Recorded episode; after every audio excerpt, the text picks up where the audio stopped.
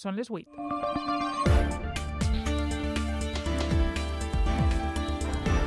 Les notícies de la nit amb Sara Garcia i José Soler.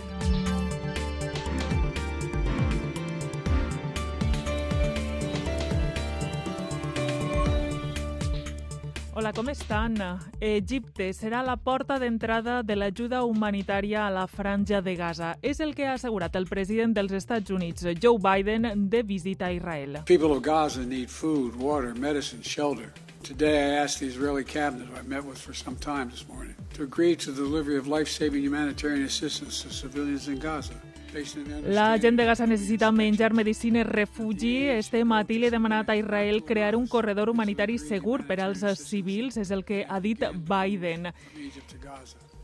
En un comunicat posterior, el govern israelià ha matisat que no bloquejarà l'ajuda procedent d'Egipte que vagi destinada al sud de la franja de Gaza sempre que es tracte d'aliments, aigua i medicines per a la població civil del sud de la franja, però que no permetrà l'entrada d'ajuda humanitària des del costat israelià de la frontera.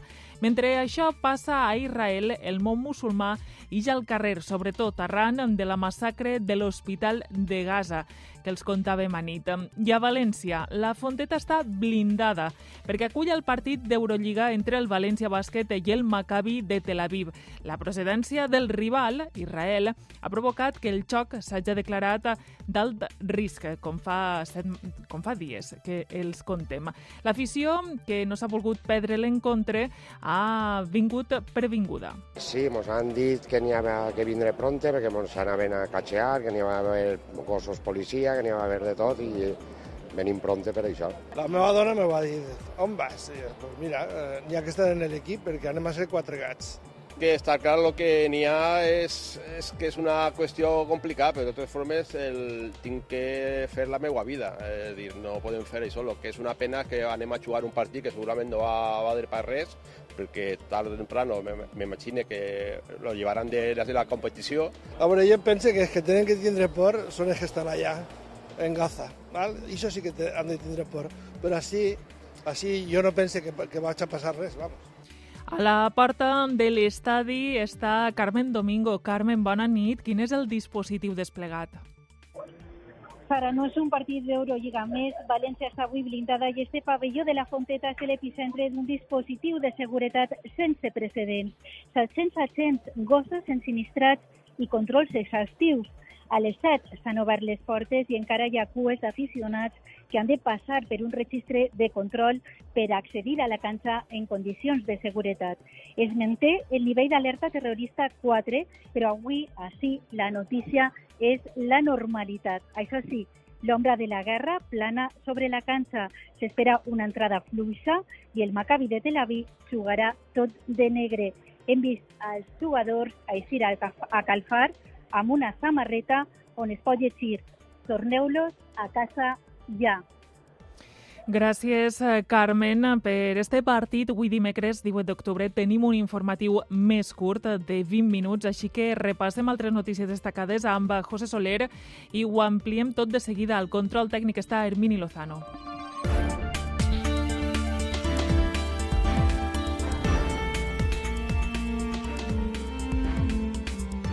La Comissió General de Comunitats Autònomes del Senat debat demà la proposta, a proposta del PP sobre la possible llei d'amnistia. Els presidents autonòmics del Partit Popular mostraran el seu rebuig en una cimera a la qual no assistiran els presidents socialistes ni el l'endacari basc, però sí el president català Pere Aragonès. El cap del Consell, Carlos Mazón, defendrà la necessitat que no es facen distincions entre territoris. Mañana no es un día de emociones.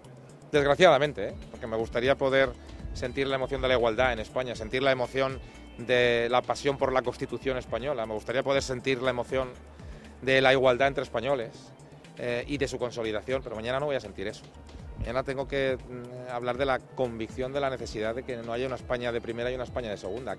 I avui ha estat un dia de cremar la palla de l'arròs a la majoria de camps. El vent de ponent que allunya el fum de les ciutats i la proximitat de les pluges han fet que avui al camp siga dia de cremar. Alguns llauradors consideren que es podria fer d'una altra manera. Paco Ortega és arrosser.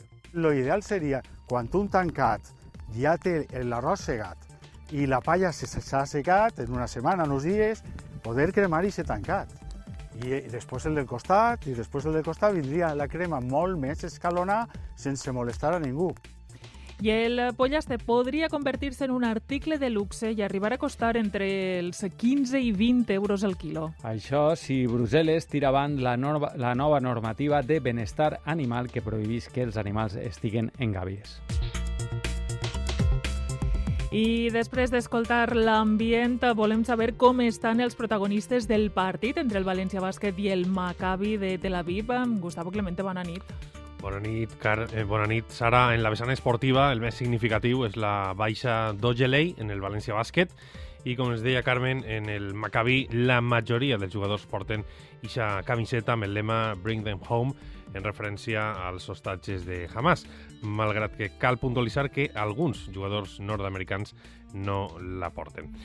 A hores d'ara, la Fondeta presenta un ambient fred en un partit que escoltarem en Des de la banda a partir de les 8 i 20.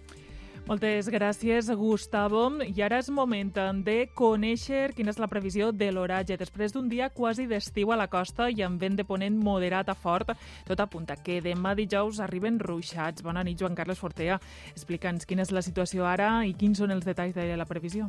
Bona nit, Sara. Efectivament, dia de molta calor i encara molta calor. Són les 8 i 6 minuts i encara tenim temperatures entre els 25 i els 27 graus a pràcticament totes les comarques litorals, des del Baix Segura, Baix Vinalopó, passant per la Safor, l'Horta, la Ribera Baixa, arribant a la plana baixa, plana alta, el Baix Maestrat, a les zones del litoral, encara fa molta calor. El vent de ponent ha bufat amb ratges que han superat els 50-60 km per hora, però cap a l'interior l'ambient és més fresc. Tenim ara valors entre els 17 i els 19 graus. La previsió indica que demà tenim el front de la setmana, podríem dir, el més actiu.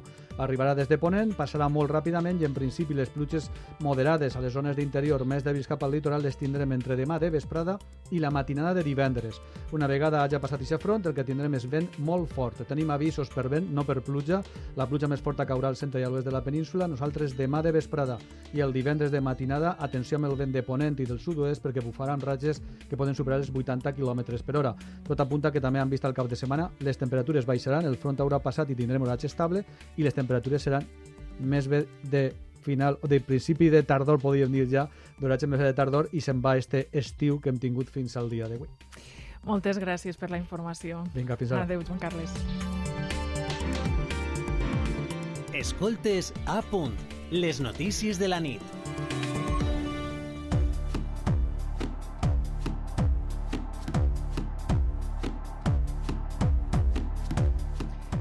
Són les 8 i 8 pràcticament. Comencem amb tot. Commoció i indignació internacional per la mort de centenars de persones en un hospital de la ciutat de Gaza. Les milícies palestines acusen el govern israelià mentre el president dels Estats Units, Joe Biden, de visita a Tel Aviv, ha assegurat que segons les proves sembla que l'explosió la va provocar un coet fallit dels islamistes radicals. Arturo Monedero. Els cadàvers s'acumulen en un envelat mentre al pati exterior s'arrepleguen restes de les víctimes.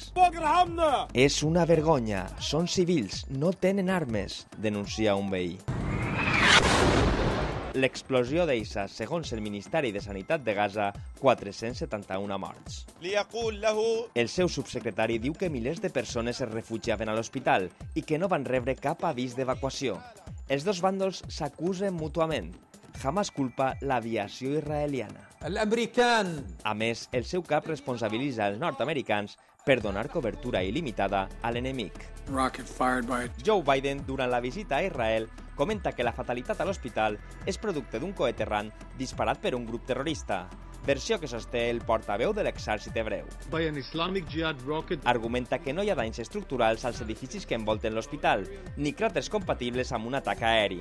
Explicació que ha acompanyat amb un gràfic que mostra desenes de míssils fallits de la jihad islàmica, inclòs, presumptament, el que va impactar al centre sanitari.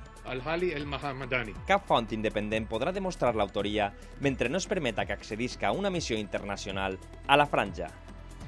I la visita del president dels Estats Units deixa el primer titular, titular mínimament esperançador. Biden ha anunciat un acord amb Israel per enviar ajuda humanitària a Gaza des d'Egipte. Pel que fa al terreny militar, res de moment ha canviat. Rafa Salom. Biden ha abraçat Netanyahu per a mostrar-li la seva solidaritat amb les víctimes israelianes. El que han fet al seu poble, ha dit,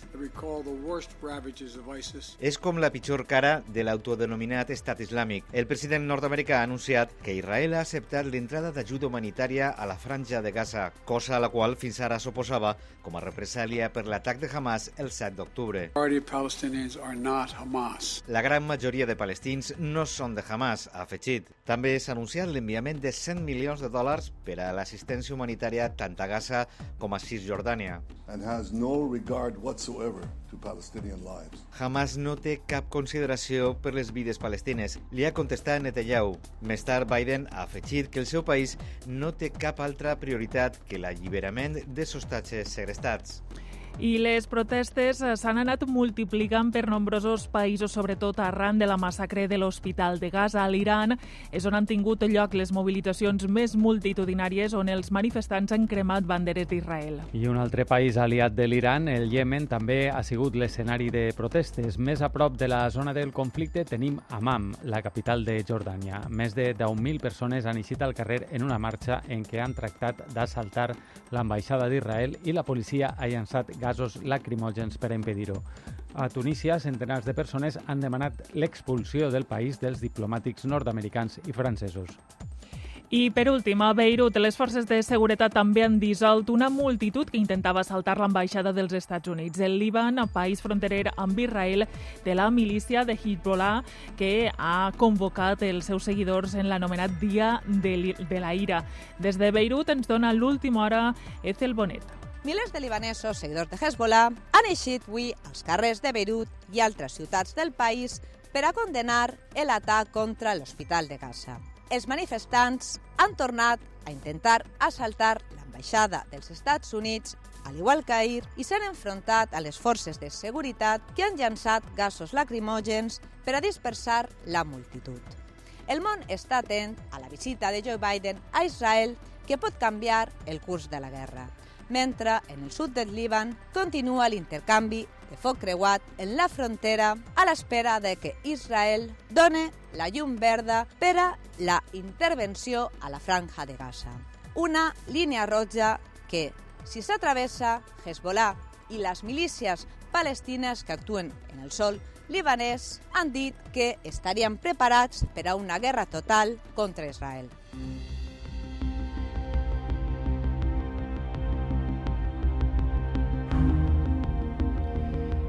I així, a casa nostra ahir va ser València i avui és la capital de l'Alcoià qui ix al carrer a favor del poble palestí. Una concentració davant de l'Ajuntament convocada per amigues i amics de Palestina d'Alcoi. Seguint la mobilització està José Coloma. Bona nit, José. Quin és l'ambient i sobretot què demanen? Doncs ara vora 200 persones estan ara mateix concentrades a la plaça d'Espanya d'Alcoi en defensa del poble palestí. Ara mateix estan llegint en, en manifest, eh, però fa uns instants el crit de Palestina lliure, lliure Palestina, o no és una guerra, és un genocidi, en demanen que s'acaben amb els bombardejos a la franja, a la franja de Gaza. Simone Bot és membre del Club d'Amics i Amigues de Palestina. Que paren els bombardejos a Gaza perquè el que estan fent és, és inhumà, és dir, estan bombardejant una franja que té eh, 360 quilòmetres sense poder fugir, és dir, no poden eixir ni cap al nord ni cap al sud, perquè estan les fronteres tancades. El que estan pretenint és fer un genocidi i acabar en, en el poble palestí, sobretot en la franja de Gaza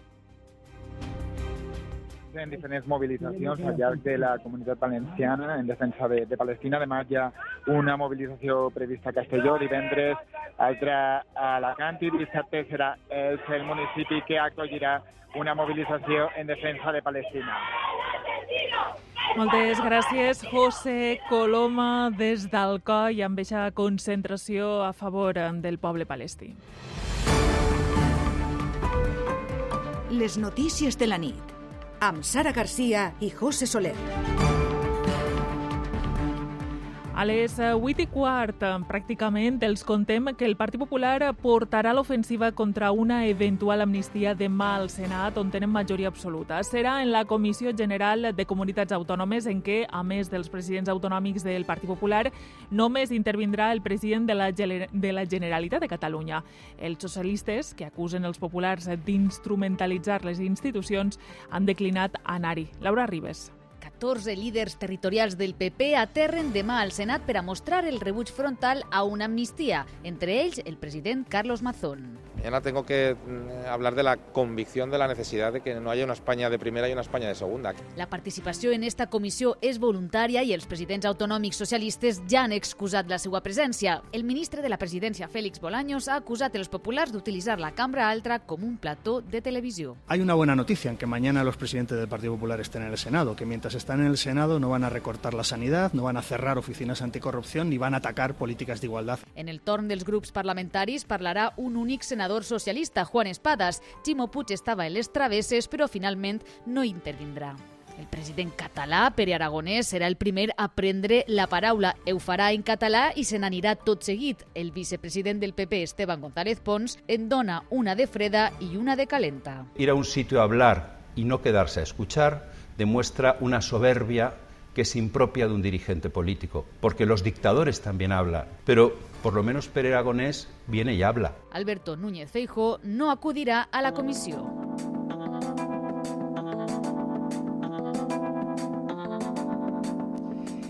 I un jutjat de Benidorm ha processat cinc persones acusades de blanquejar diners de la màfia russa. Segons la resolució, se'ls atribueix la creació d'una xarxa de contactes amb la connivència de càrrecs públics del Partit Popular Alacant i membres de les forces i cossos de seguretat per a beneficiar els seus clients a canvi de regals i contraprestacions econòmiques. La xarxa que seurà al banc dels acusats captava empresaris russos vinculats amb el crim organitzat exsoviètic polític per a blanquejar diners procedents de la construcció i l'oci a municipis com Altea, La Nucia, Eivissa o Formentera.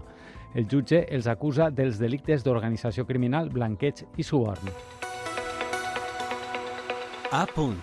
Les notícies de la nit.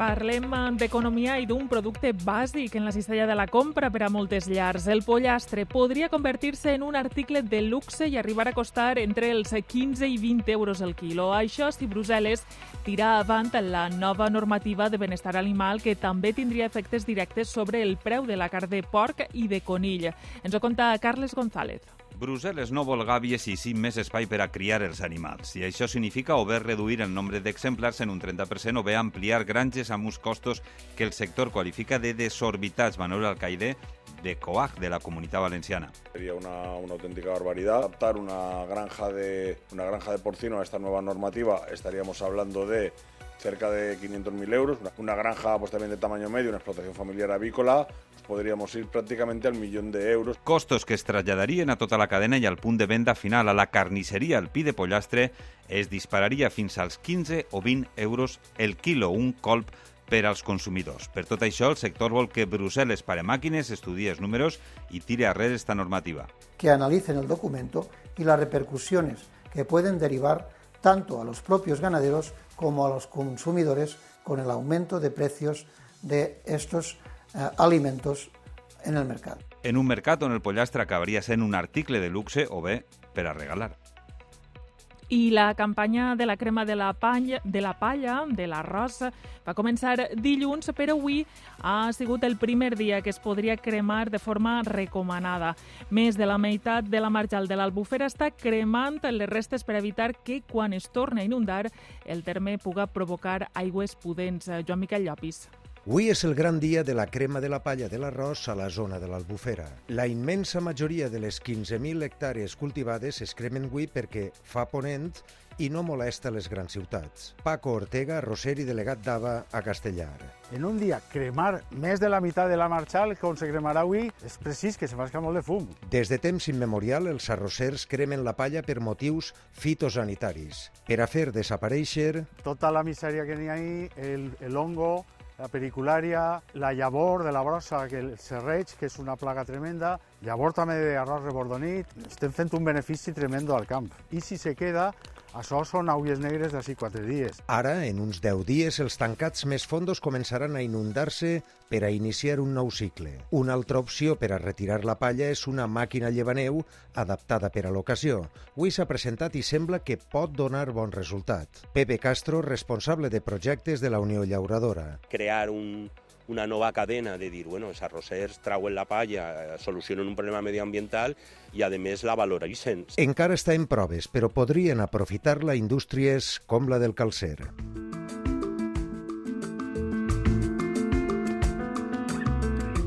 I abans de donar pas als companys de Des de la Banda, una última hora, i és que s'ha declarat un incendi forestal en una pinada a l'avinguda de la Gola del Pujol a València, a l'altura del Sidi Saler. Emergències informa que s'han mobilitzat set dotacions de bombers i dos autobombes, a més d'un capatàs i dos unitats forestals. El Centre de Coordinació d'Emergències ha establert la situació 1 de risc d'incendis pel risc que evolucione fins a una zona protegida com és la de Besa.